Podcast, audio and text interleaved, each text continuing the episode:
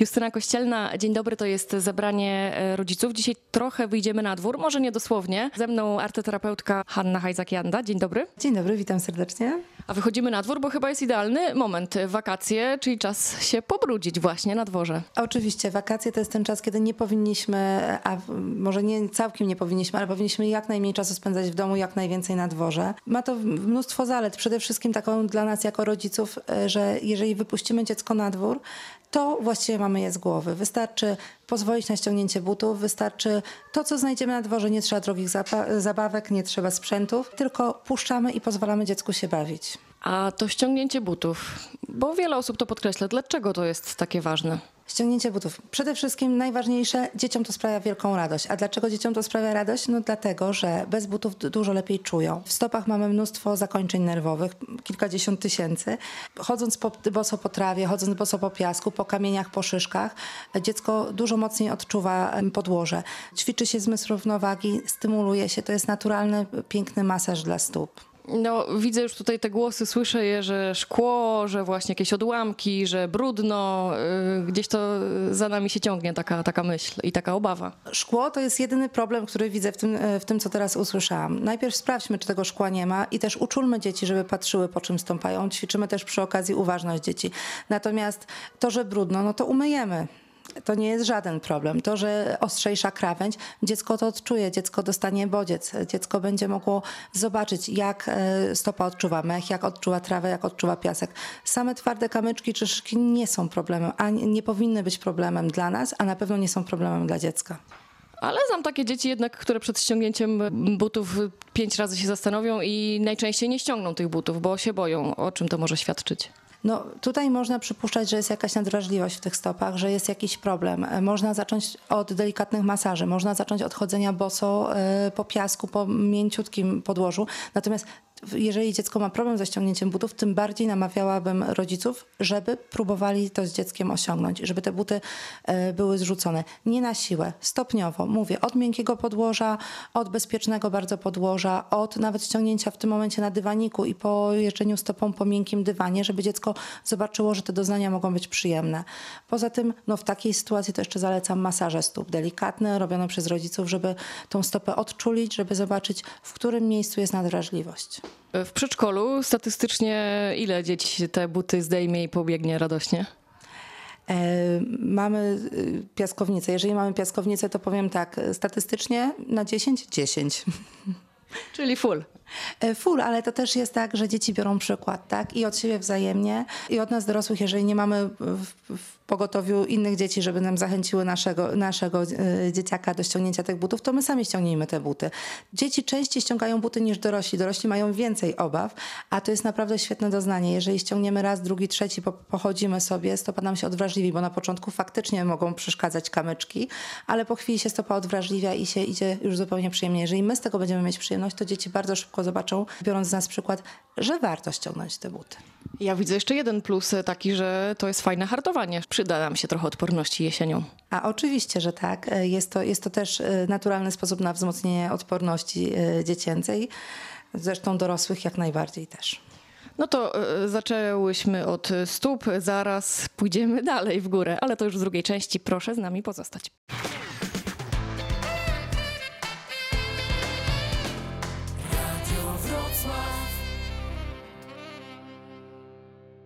To jest druga część zabrania e, rodziców. Rozmawiamy o zabawach sensorycznych i o tym, żeby pozwolić dzieciom brudzić się latem, no bo kiedy, jak nie teraz. Razem ze mną e, Hanna Hajzak-Janda, arteterapeutka. Mówiłyśmy o tym, że warto e, na bosaka. Co jeszcze? Na co pozwolić dzieciom latem? Na co pozwolić? Na wszystko. Na wszystko, co jest bezpieczne, co nie zagraża naszemu dziecku i co nie zagraża nam i innym e, osobom w pobliżu. Dzieci naprawdę, jeżeli wypuścimy je na dwór, przy bardzo małym naszym wkładzie, one sobie znajdą zajęcie. Wszystkie murki, krawężniki, wszystkie kamyczki, na które można się wspiąć, e, zwalone pnie drzew, świetnie ćwiczą równowagę w dzieciach, ćwiczą umiejętność wspinania się. Także tutaj nasze zaangażowanie jest bardzo małe. Asekurujemy dziecko tam, gdzie jest to konieczne, ale też, też nie przesadzamy z tym, a dziecko już samo sobie znajdzie sposób, żeby, żeby się bawić i żeby tą równowagę, uważność rozwijać w sobie. Lato to też idealny moment, żeby te wszystkie brudne zabawy, które dzieci tak uwielbiają, ugniatanie, modeliny, glutki, przecież ostatnio tak modne, wyprowadzić na dwór i nie martwić się, że gdzieś znajdziemy kawałek tego glutka rzeczonego, wgniecionego w dywan. Co możemy robić na dworze z takich dużych właśnie zabaw e, sensorycznych? Jeżeli chcemy e, pobawić się masami, jeżeli chcemy stworzyć coś takiego plastycznego, artystycznego, no to polecam do piasku zwykłego, bo piasek sam w sobie jest świetny, ale wiadomo, babki oklepane, ile można e, nakładać piasek do foremek i e, mm, gotowe kształty z tego robić. Więc jeżeli do piasku dodamy mąkę w równych proporcjach tyle co piasku i dodamy trochę wody, powstanie nam masa, podobna troszkę w konsystencji do masy solnej, z której tak samo jak z masy solnej możemy lepić rzeczy, które nam wyschną na słońcu albo w piekarniku, jeżeli jesteśmy niecierpliwi albo słońca nam brak, staną się twarde, więc nasze babki zostaną z nami na cały rok. Można oczywiście pomalować, natomiast same piękne piaskowe wystarczą. Jaka proporcja, e, mówiła Pani, jeden do jednego piasek, mąka, a wody ile? To też zależy, czy piasek mamy mokry czy suchy. Natomiast mniej więcej połowa tego, ile jest y, łącznie mąki i soli czyli, y, i piasku. Czyli jeżeli weźmiemy kubeczek y, piasku, kubeczek mąki, no to pół kubeczka wody i patrzymy, jaka jest konsystencja. Jeżeli jest za lepkie, no to jeszcze trochę piachu. Jeżeli, jest, jeżeli się robi za twarde, no to troszeczkę wody. To już też jest fajne eksperymentowanie. Ale jeżeli chcemy bardziej wodnistą masę, pięknie się przelewa, i można na kartce nią malować. Dlatego jeżeli damy więcej wody, można malować. To cuda prawdziwe, ale ja coś czuję, że pani ma więcej e, tych przepisów na takie różne e, masy letnie. Jeżeli już nasza ciecznia newtonowska wspomniana przed chwilą, jak do niej dorzucimy piasku, powstanie nam coś w rodzaju piasku kinetycznego. Zaraz, zaraz. Powiedzmy, co to jest ciecznia nie newtonowska, bo pewnie no, nie każdy miał możliwość poeksperymentowania z nią. No jeżeli ktoś jeszcze nie miał możliwości poeksperymentowania, to gorąco zachęcam, bo uważam, że to powinno być zadanie obowiązkowe dla wszystkich dzieci i dla wszystkich dorosłych. Ciecznia newtonowska, czyli połączenie mąki ziemniaczanej z wodą. Nie będę za dużo mówiła, czemu jest to tak niesamowite, bo naprawdę uważam, że każdy powinien spróbować. I teraz, jeżeli do mąki ziemniaczanej i wody dorzucimy piasek, powstaje nam mm, coś w rodzaju piasku kinetycznego, takiego bardzo popularnego ostatnio i bardzo dobrze, że bardzo popularnego, bo świetnego do zabawy i dla dzieci, i dla dorosłych znowu. On w sklepach, ja tylko dodam, jest bardzo drogi, więc tutaj możesz na przyoszczędzić trochę i zafundować fantastyczną zabawę za grosze. Dokładnie tak. Poza tym plus, nie do końca wiemy, co jest w tym piasku w sklepie kupionym, a tutaj dokładnie znamy wszystkie składniki, wiemy, z czego powstają. Poza tym łączenie składników e, dla dzieci jest też niesamowitym doświadczeniem i eksperymentem naukowym, bo patrzą, jeżeli dodamy więcej wody, co się stanie? Jeżeli dodamy więcej mąki, co się stanie? Z gotowym, kupionym produktem już takich eksperymentów nie porobimy. Tutaj postawimy kropkę, ale wrócimy do rozmowy. Będę pytać jeszcze o błoto i o tym, czy te kąpiele błotne mają sens.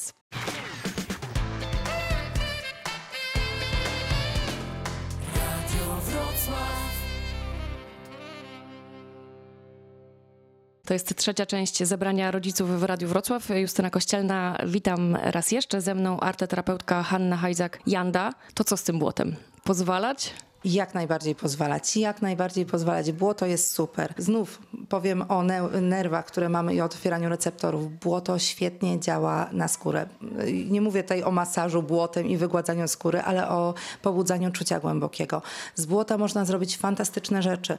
Dzieci uwielbiają zupy błotne, pulpety z błota, z piasku, z kamieni, z liści. To są zabawy, które my znamy, jak byliśmy dziećmi i nas tak nikt nie pilnował, jak my się bawiliśmy. Teraz dużo bardziej pilnujemy dzieci i tam, gdzie trzeba, to trzeba. Natomiast na zabawę z błotem warto pozwolić. Tak naprawdę poza tym, że dziecko nam się trochę pobrudzi, nic więcej się nie stanie, a korzyści dla rozwoju, czyli rozwój wyobraźni, rozwój małej motoryki, cała sensoryka, która za tym idzie, jest to rzecz nie do zastąpienia. A te zarazki, co tam pływają, to, to nie? Nie boimy się ich?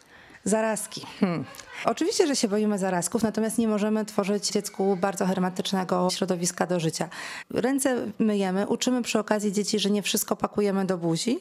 Natomiast to, że ręka będzie przez moment brudna, czy że nawet kawałek błota trafi do buzi, zdrowego dziecka nam poważnie nie uszkodzi. Mówiła Pani trochę o tym, że teraz bardziej pilnujemy dzieci, baczniej zwracamy uwagę na to, co robią na placach zabaw. Pani zdaniem, jak to modelowo powinno wyglądać? Powinniśmy stać z boku, czy jednak bawić się? Bo widuję takie obrazki rodziców bardzo mocno zaangażowanych w zabawę, nawet właśnie na placu zabaw. No ja nie jestem zwolenniczką tego, żeby, rodzice, żeby to rodzice bawili się z dzieckiem, żeby to rodzice ciągle organizowali zabawę swojemu dziecku. Nie ma nic lepszego dla dzieci niż kawałek nudy, bo w tym momencie uruchamia się e, bardzo twórcze myślenie. Dzieci bardzo szybko pustkę wokół siebie wypełnią zajęciem, inicjatywą, zadaniem. Jeżeli my cały czas towarzyszymy dziecku, dziecko nie uczy się samo, samodzielnego wymyślania zabaw, samodzielnego organizowania sobie czasu, tylko oczekuje, że to my dorośli mu w tym pomożemy. My nie będziemy mieć nigdy tak szalonych pomysłów jak dziecko, a nawet jeżeli wymyślimy mu super zabawę, to to będzie nasza zabawa, a nie, a nie dziecięca. Wspinanie na drabinki wysokie maluchy już mogą, czy nie powinny?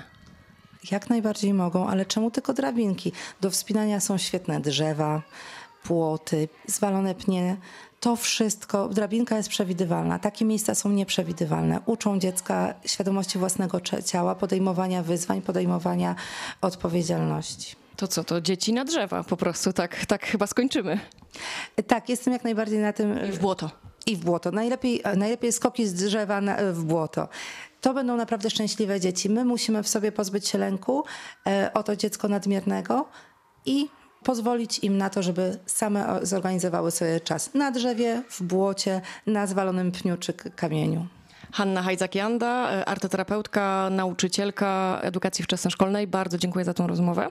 Dziękuję. A pytała Justyna Kościelna. Do usłyszenia.